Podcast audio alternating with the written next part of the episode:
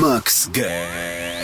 Witajcie w Max Games, podcast numer 5. Dawid Piązek, kłaniam się. A dzisiaj jedna recenzja i dwie zapowiedzi, takie za 5.12 to będą Total War Three Kingdoms oraz Swine HD Remastered. No ale od recenzji zaczynamy. Recenzji Green Planet, dodatku do rewelacyjnej gry Surviving Mars. Ona wyszła jakoś rok temu z hakiem i chociaż miała trudne początki, bo kilka niedoróbek było po premierze, to od razu przypadła do gustu fanom city builderów i gier kolonizacyjnych. Moim skromnym zdaniem jest to zresztą jedna z najlepszych gier z tego gatunku. W największym skrócie zakładamy kolonię na Marsie. E, na początku operujemy sobie robotami i przygotowujemy ją do zasiedlenia przez ludzi, a potem tworzymy już takie kosmiczne miasto, no, może miasteczko. Spełniamy potrzeby naszych mieszkańców, wydobywamy cenne e, surowce i eksportujemy je na Ziemię. O ile od strony i grafiki, i mechaniki, i klimatu Surviving Mars było naprawdę świetne, e, to jak się dłużej pograło, to uderzał jednak pewien taki brak celu. To znaczy, tworzymy tę swoją kolonię, rozwijamy ją, wynajdujemy jakieś kolejne ulepszenia i no właśnie, ani ta gra się wyraźnie nie kończy, ani nie czujemy, że czegoś dokonaliśmy. Można się w Surviving Mars nieustannie rozwijać, ale powyżej pewnego poziomu ta skala już niewiele zmienia. No i właśnie to stara się zmienić wydany dosłownie parę dni temu Green Planet. Jak sama nazwa wskazuje, będziemy dzięki niemu mogli zazielenić czerwoną planetę, ale nie chodzi wyłącznie o to, że będziemy gdzieś tam pod szklarnią, jakąś pod kopułą uprawiać sobie ziemskie roślinki. O nie, nie. Zresztą to akurat mogliśmy już robić w podstawowej wersji gry. A tutaj mamy dokonać prawdziwej terraformacji. To jest taki termin zaczerpnięty z science fiction. Chodzi o taką globalną zmianę warunków na Marsie, żeby zaczął on przypominać naszą planetę. No i właśnie dzięki odpowiednim narzędziom, maszynom, inwestycjom w naukę i ogromnemu nakładowi zasobów Surviving Mars Green Planet będziemy zmieniać gęstość atmosfery Marsa, jej skład chemiczny, e, wilgotność i temperaturę, czyli wszystko to, co sprawdza, e, sprawia, że Mars od Ziemi się różni. Więcej, wraz z postępami w terraformacji będziemy mogli e, uprawiać rośliny już na powierzchni planety, zasiedlać ją zwierzętami, a zwieńczeniem tego e, procesu jest e, pozbycie się kopuł, które oddzielają sztuczną atmosferę dla ludzi od tej naturalnej atmosfery Marsa. Kiedy ich parametry staną się identyczne, ludzie po prostu tych kopuł już nie będą potrzebowali.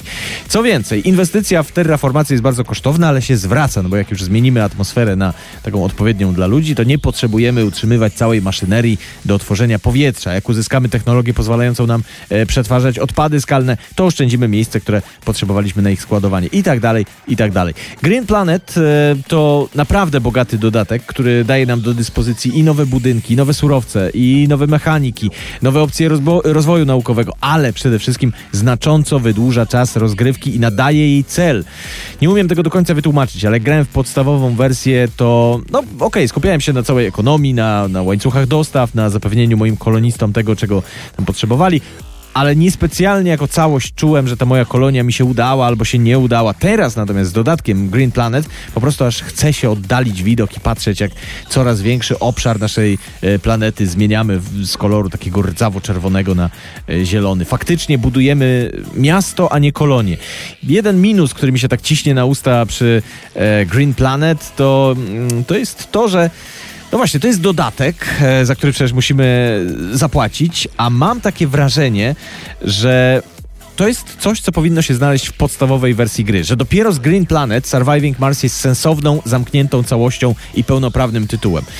No ale cóż, takie czasy, że chyba po prostu trzeba się przyzwyczaić, że gry, a zwłaszcza gry od studia Paradox, to zawsze jest tak, że podstawowa wersja jest dosłownie podstawowa, a pełnię rozgrywki dostajemy dopiero kupując dodatki pół biedy, jak to jest jeden czy dwa, ale przecież w Europa Universalis, w Crusader Kings, e, w Cities Skylines, to tych dodatków mamy już chyba po kilkanaście.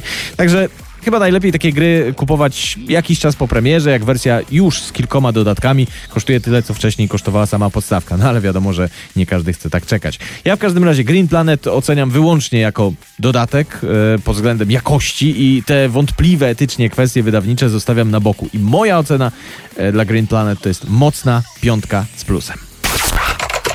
Max Games.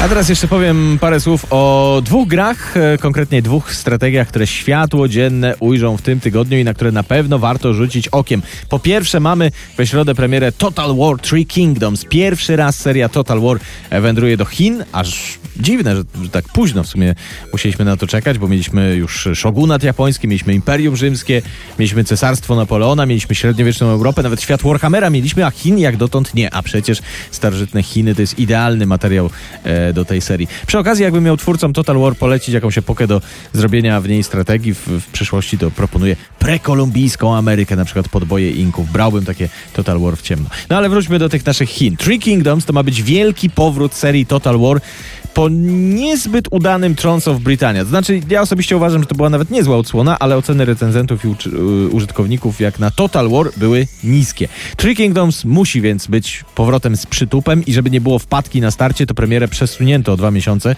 żeby jeszcze wyeliminować niedoróbki. Pierwotnie gra miała zadebiutować w połowie marca. Co do istoty rzeczy, oczywiście nie ma żadnych zmian. Total War Three Kingdoms to jest zaawansowana strategia łącząca ze sobą granie w systemie turowym z grą w czasie rzeczywistym. W turach odbywa się nasze zarządzanie królestwem, przemieszczanie armii, ekonomia, dyplomacja czy rozwój naukowy, a w czasie rzeczywistym będziemy dowodzić w bitwach. Jak zwykle w tej serii będą to szalenie efektowne bitwy z tysiącami, a czasem nawet z dziesiątkami tysięcy jednostek na polu walki. To zostaje po staremu. A jakie mamy nowości? Przede wszystkim mocniejsze wejście w warstwę fabularną. Mamy bohaterów, dowódców, których też poznawaliśmy już w serii trailerów przed premierą, z różnym backgroundem, z, różnych, z różnym zestawem umiejętności, no i ich odpowiednie wykorzystanie na polu walki ma być jedną z kluczowych kwestii. Rozwinięta ma też zostać e, drastycznie dyplomacja, co jakoś szczególnie mocną stroną Total War nigdy nie było. Ma też być większe sprzężenie trybu zarządzania naszym królestwem i trybu walki. Czasem decyzje podejmowane na polu e, bitwy mogą mieć później przełożenie na nasze możliwości w rządzeniu. Ja miałem okazję już pograć przed premierą, ale dosłownie dwie godzinki na razie, więc nie będę się wygłupiać z jakimiś pierwszymi wrażeniami. Recenzję zrobię jak pogram parę dni, ale o dwóch rzeczach już mogę powiedzieć. Po pierwsze, Three Kingdoms to zdecydowanie najładniejszy Total War z tego już dosyć takiego oldschoolowego silnika graficznego wyciśnięto ostatnie soki i efekt jest naprawdę piorunujący, zwłaszcza w bitwach. Ale też e, cała ta estetyka i stylizowanie interfejsu na tradycyjny chiński klimat, no rewelacyjnie moim zdaniem to wyszło. I druga rzecz, mam takie wrażenie, że tak jak w poprzedniej części zdecydowano się odrobinę uprościć mechanikę, żeby gra nie odstraszała mniej zaawansowanych graczy, tak tutaj twórcy gry wrócili do dość wysokich wymagań, ale ale za to znaleziono inny sposób, jak sprawić, żeby mega skomplikowana gra nie zraziła do siebie. Otóż Three Kingdoms stara się być pomocne jak tylko się da, na każdym kroku. Na każdym kroku podpowiedzi i tłumaczenie, co do czego służy, do czego jest ta funkcja i tak dalej. Oczywiście można to wyłączyć. Aż dziwne też, że producenci gry, jak już tak postawili na edukację, to nie zdecydowali się tak na taki normalny, tradycyjny samouczek, bo jednak uczenie się na kampanii to nie do końca to samo. W każdym razie, jak ktoś nie grał do tej pory w Total War albo e, grał mało, albo grał dawno, to nie ma się czego obawiać, zostanie poprowadzony y, za rękę. No dobra, do Total War y, na pewno wrócimy sobie za tydzień, ale jeszcze jest druga strategia, która będzie mieć premierę w tym tygodniu. Y, już trochę prostsza. Swine HD Remastered. To jest odświeżona wersja RTS-a, który kilkanaście lat temu święcił triumfy. Starcie państwa wieprzy z państwem królików, czy tam zajęcy. Tematyka i grafika taka mocno z przymrużeniem oka, ale rozgrywka już zupełnie na poważnie. Mamy do dyspozycji czołgi, artylerię, lotnictwo, zaawansowane opcje strategiczne, a jednocześnie dużą prostotę obsługi. Nie był to RTS z gatunku 4X, e, bo tutaj skupiono się wyłącznie na walce. Nie zbieraliśmy surowców, nie, nie rozbudowywaliśmy naszej bazy, a ekonomia była, ale była bardzo uproszczona. W 2001 roku, kiedy wydano Swine, ta gra naprawdę zyskała sobie od razu grono fanów. Być może też dlatego, że był to chyba jeden z pierwszych RTS-ów w 3D, jak dobrze pamiętam. W sumie to ja o niej od tego czasu zdążyłem już trochę zapomnieć, ale teraz, jak wraca jako remake, to tak się zastanawiam, czemu nie zrobiono sequela? Nie, nie znam odpowiedzi na to pytanie, no ale podejrzewam, że jak się remake dobrze sprzeda, to i sequel będzie możliwy. O samym remake'u ciężko coś powiedzieć poza standardem. To samo, co w pierwowzorze, ale w lepszej grafice, wyższych rozdzielczościach, nawet do 4K, z lepszymi teksturami, z formatem 16 na 9 i tak dalej, i tak dalej. Nie wiem, czy to będzie hit. Szczerze wątpię, ale podejrzewam, że coś bardzo przyzwoitego może z tego wyjść i fajnie by było, szczerze mówiąc, gdyby to się dobrze sprzedało, bo e, no, co prawda remake'i to trochę można powiedzieć, że jest skok na kasę. Można powiedzieć, że to jest sprzedawanie po raz drugi tego samego, e, ale i tak chciałbym jeszcze kilka gier z czasów dzieciństwa zobaczyć po liftingu. Nie wiem, na przykład tak na szybko e, Yerf 2140 albo Theme Park. E, wydaje mi się, że Knights and Merchants e, też nadają się na remake, no ale to już się e, trochę rozmarzyłem. W każdym razie dobrym remake'om e, nie mówię nie, mam nadzieję, że e, Swine do tych fajnych remake'ów będzie należeć. Tyle na dzisiaj w Max Games, zapraszam za tydzień, a jak chcecie pogadać o grach, to śmiało znajdziecie mnie na Twitterze. Dawid Miązek, dzięki i do usłyszenia.